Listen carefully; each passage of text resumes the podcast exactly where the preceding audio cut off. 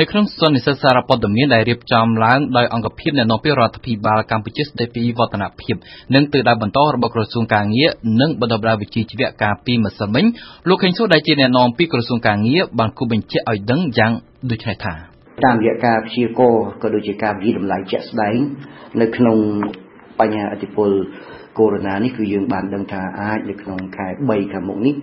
គឺអាចមានរោងចក្រសហគ្រាសប្រហែលជាខ្ទង់ចិត្ត200ដែរដែលអាចប្រឈមទៅនឹងការកង្វះនៅវត្ថុធាតុដើមហើយវាអាចប៉ះពាល់ទៅដល់បងប្អូនកម្មករយុវជនបានប្រហែលជាក្នុងករណីអាក្រក់បំផុតហ្នឹងប្រហែលជាខ្ទង់160,000នាក់ប៉ុន្តែយើងក៏បានដឹងដែរថាសង្វាក់ផលិតកម្មនៅប្រទេសចិនក៏មានការចាប់ផ្ដើមដំណើរការហើយរាជរដ្ឋាភិបាលបានខិតខំប្រើប្រាស់នៅគ្រប់មធ្យោបាយទាំងតំណែងជាមួយនឹងអ្នកវិជាទិញរោងចក្រ ក៏ដូចជាជាមួយនឹងកម្រិតរដ្ឋាភិបាលនិងរដ្ឋាភិបាលផងដែរដើម្បីធ្វើម៉េចឲ្យរដ្ឋាភិបាលចិនផ្ដល់នូវអត្ថប្រយោជន៍ទៅក្នុងការផ្គត់ផ្គង់នៅវត្ថុធាតុដើមនេះជូនមកប្រទេសកម្ពុជាដើម្បីធ្វើម៉េចឲ្យរយៈពេលដែលកង្វះនៅវត្ថុធាតុដើមនេះគឺមានរយៈពេលខ្លីចំពោះបញ្ហានេះលោកអាតធុនប្រធានសហភាពការងារកម្ពុជាយល់ឃើញបែបនេះថាតាមពិតទៅបញ្ហាវត្ថុធាតុដើមនេះគឺជាបញ្ហាធំបំផុតដោយសារតែកម្ពុជាយើងវាសឹងថា60%នាំចូលពីចិនហើយប្រហែលជា10%នាំចូលពីប្រទេសអាស៊ានផ្សេងទៀតហើយហើយជា10 20%ហ្នឹងគឺគេគិតតែលើកម្លាំងពលកម្មទឹកភ្លើងឬក៏អគិសនីឬក៏រោងចក្រអីទេអញ្ចឹងវាសរុបទៅនៅក្នុងហ្នឹងហើយពេលបច្ចុប្បន្នហ្នឹងគឺប្រទេសនៅក្នុងអាស៊ានហ្នឹងក៏ជួបប្រទេសបញ្ហាបញ្ហាដែរព្រោះដោយសារគេនាំចូលពីចិនដែរអញ្ចឹង បញ្ហានេះគឺខ្ញុំគិតថាវាបញ្ហាធំមែនទែនរឿងហើយពាក់ព័ន្ធទៅនឹងការយកវត្ថុធាតុដើមខ្ញុំគិតថាក៏គឺជារឿងតូចតាចឧទាហរណ៍ថាឥឡូវគេខ្វះឡេវកណាត់បោះឬក៏កតុងសម្ភារៈអីកែច្នៃវាយពុំរៀបចំអីទាំងអស់ហ្នឹងក្នុងចំណោមទាំងអស់ហ្នឹងគេពីរបីមុខខ្ញុំគិតថាហើយគេអាចទៅជូនតាមយន្តហោះឬក៏ជូនអីដើម្បីមកបំពេញលោកអាធុនបន្ថែមថា ប៉ុន្តែបើក្រុមហ៊ុនសហគ្រាសនោះវាវាខ្វះពីកណាត់ខ្វះអាស្អីអីដែលជាប្រភពធំធំហ្មងគិតថាវាពិបាកវាអត់មានអីមកជំនួសបានទេដោយសារតែកម្ពុជាយើងមិនមានរោងចក្រដើម្បីផលិតវត្ថុធាតុដើមទេគឺយើងគាត់ថាពឹងពាក់ត្រង់ពីគេគាត់ថាយើងជាអ្នកកាត់ភ្ជាប់ដេនឹងមិនមិនឃើញហ្នឹងហើយនឹងត្រៀមជាប់នឹងតែនោះហើយផ្ញើនឹងយកចេញទៅនឹង TMT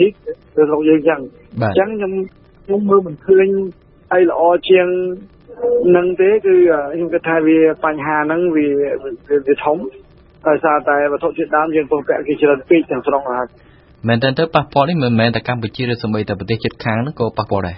បាទនៅប្រទេសជិតខាងមួយចំនួនជាពិសេសដែលយើងឃើញរបាយការណ៍ដូចជានៅបង់ក្លាដេសហ្នឹងក៏មកគុំនយោជករបស់គេគឺគេចេញសេចក្តីកាសថានឹងមានបញ្ហាដោយសារតែការបញ្ជូនវត្ថុធាតុដើមមកដូចគ្នាដែរលោកហេងសួរការរំខាននៃសម្បត្តិបដកម្ម នៅប្រទេសចិននេះគឺពិតជាបានធ្វើឲ្យមានការប៉ះពាល់ទៅដល់សង្វាក់បដកម្មនៅក្នុងពិភពលោកយើងទាំងមូលតែម្ដងជាពិសេសនៅក្នុងតំបន់អាស៊ីរបស់យើងដែលនៅក្នុងនោះសូម្បីតែប្រទេសជប៉ុនប្រទេសកូរ៉េ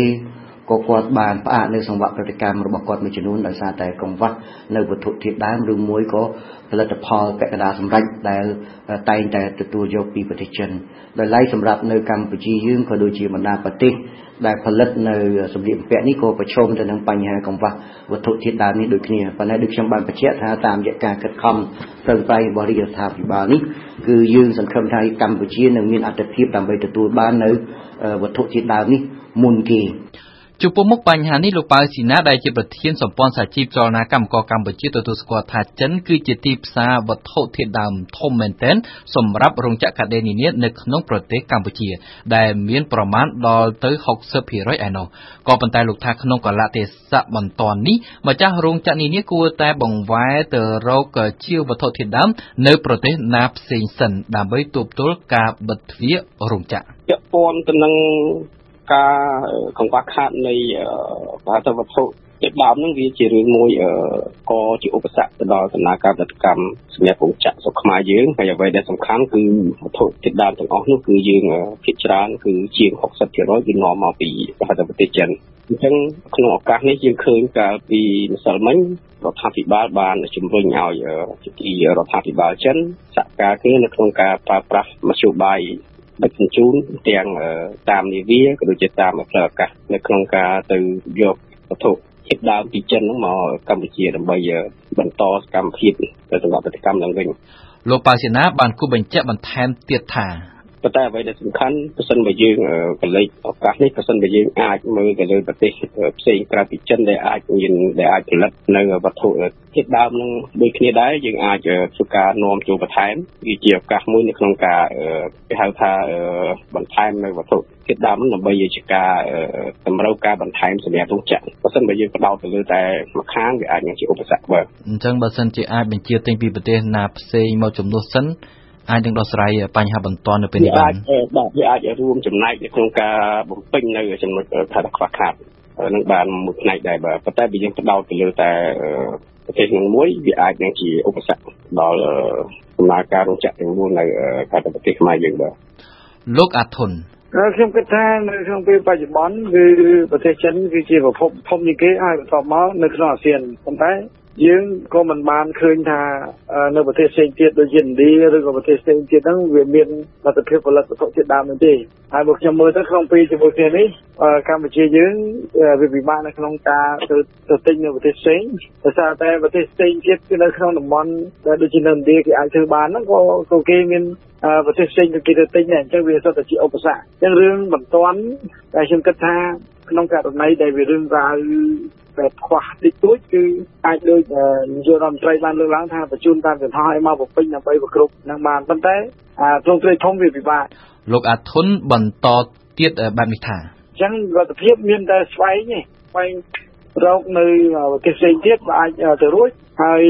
ប្រទេសខ្លះវាអាចនឹងផលិតមុខទំនិញដែលប្រភេទទំនិញវាអាចខុសគ្នាអញ្ចឹងទៅវាអាចទៅរួចបានខ្លះគឺប៉ុន្តែអ្វីដែលយើងគិតថាវិធានការអាចទៅរួចមានតែកើតតែមានរោងចក្រផលិតវត្ថុធាតុដើមខ្លួនឯងតែវាវាយូរទេជឿលេទេហ្នឹងវាមិនអាចទៅរួចទេដល់ពេលនេះទៅហើយព្រោះទោះបីជាវិធានការហ្នឹងអាចដោះស្រាយបានយរយៈពេលជិត1ឆ្នាំមិនទៀតតែមិនអាចដោះស្រាយបានខ្លះ សម្រាប់រដ្ឋាភិបាលកម្ពុជាដើម្បីដោះស្រាយបញ្ហាបន្តនេះលោកនាយករដ្ឋមន្ត្រីហ៊ុនសែនបានស្នើឲ្យរដ្ឋាភិបាលចិនជួយពន្លឿនបញ្ជូនវត្ថុធាតុដើមមកកាន់ប្រទេសកម្ពុជា តាមលោកនាយករដ្ឋមន្ត្រីចិនអាចបញ្ជូនតាមចិនហោះតែម្ដងដើម្បីឲ្យទាន់សភាពការខ្ញុំគិតថាមិត្តចិនអាចទៅទៅបាន ហើយកម្ពុជាក៏អាចនឹងខិតខំធ្វើទៅបានប្រសិនបើសាច់កណាត់ខ្លះគឺត្រូវដឹកតាមកប៉ាល់ហោះក៏ត្រូវតែដឹកដើម្បីសងគ្រោះនេះកុំឲ្យបិទរោងចក្រនៅកម្ពុជា ខ្ញុំគិតថាធ្វើបានកប៉ាល់ហោះចិនច្រើនណោះ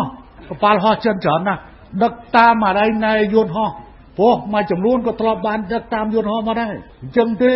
វាអាចសងគ្រោះកុំឲ្យកម្មករកម្មការនេះរបស់យើងជួបប្រទះនៅបញ្ហាខ្វះវត្ថុធាតុដើមហើយបិទរោងចក្រអញ្ចឹងអាដឹកតាមកប៉ាល់ក៏ចិត្តតែដឹកមកអាកន្លែងណាដឹកតាមយន្តហោះបានយើងដឹកហើយយើងអាចនឹងជួលយន្តហោះពីកម្ពុជា ទៅដឹកវត្ថុធាតុដើមនឹងមកព្រោះអាហ្នឹងគឺប្រភេទដឹកកាហ្គោអត់មានដឹកញៀវទេដឹកហើយទៅសាច់កណាត់មកហ្មងព្រោះវាមិនសាច់កណាត់រោងចក្រមួយចំនួនមានហើយរោងចក្រមួយចំនួននៅខើចទៅពន្លឿនការដឹកជញ្ជូនលោកនាយករដ្ឋមន្ត្រីហ៊ុនសែនបន្ថែមទៀតថាខ្ញុំផ្ដល់មតិមួយខាងគឺអាចដឹកជញ្ជូនតាមផ្លូវទឹក តែមួយខាងទៀតអាចដឹកជញ្ជូនតាមផ្លូវតាមផ្លូវអាកាសដើម្បីផ្គត់ផ្គង់វត្ថុធាតុដើម នៅកម្ពុជានេះសម្រាប់រោងចក្រមួយចំនួនដើម្បីជៀសវាងនឹងការបិទការបិទនេះ គឺនឹងធ្វើឲ្យកម្មករកម្មការីរបស់កម្ពុជា បាត់បង់ការងារធ្វើនិយាយរួមផ្អាកការងារធ្វើពិតមែនហើយខ្ញុំប្រកាសណាខ្ញុំបានប្រកាសថ្ងៃមុនថា ប្រសិនបើមានការព្យួរការងារបរោះអាសន្នបណ្ដាលមកពីខ្វះវត្ថុធាតុដើមកម្មករកម្មការិនីនឹងទទួលបានបៀវត្ស60% នៃចំនួនបៀវត្សអបបរមា190ដុល្លារអញ្ចឹងកម្មករកម្មការងាររបស់យើង នៅពេលដែលគ្មានការងារធ្វើនៅពេលដែលផ្អាកការងារនោះនឹងទទួលបានប្រាក់បៀវត្ស120ដុល្លារដែរប្រហែលជា120ដុល្លារក៏ប៉ុន្តែខ្ញុំមិនចង់ឲ្យមានរឿងកាន់នឹងកើតឡើងទេយកល្អគឺបញ្ញាបញ្ញាដោះស្រាយវត្ថុធាតុដើមលោកប៉ៅស៊ីណាខ្ញុំមើលឃើញថាមធ្យោបាយដឹកជញ្ជូនតាមរយៈផ្លូវអាកាសវា ជារឿងមួយល្អប្រសើរទី1ប្រើប្រាស់ពេលវេលាតិចវាគ្រាន់តែយើងចំណាយការដឹកជញ្ជូនខ្ពស់ជាងការដឹកជញ្ជូនតាមហៅថា DV បាទប៉ុន្តែវាអាចរួមចំណែកបានច្រើននៅក្នុងការធ្វើឲ្យចង្វាក់កតកម្មនឹងអាចហៅថាដំណើរការបានបានលឿនបាទជាពិសេសគឺឆ្លើយតបទៅនឹងតម្រូវការកម្មករដែលគាត់ត្រូវការអាងារធ្វើបាទ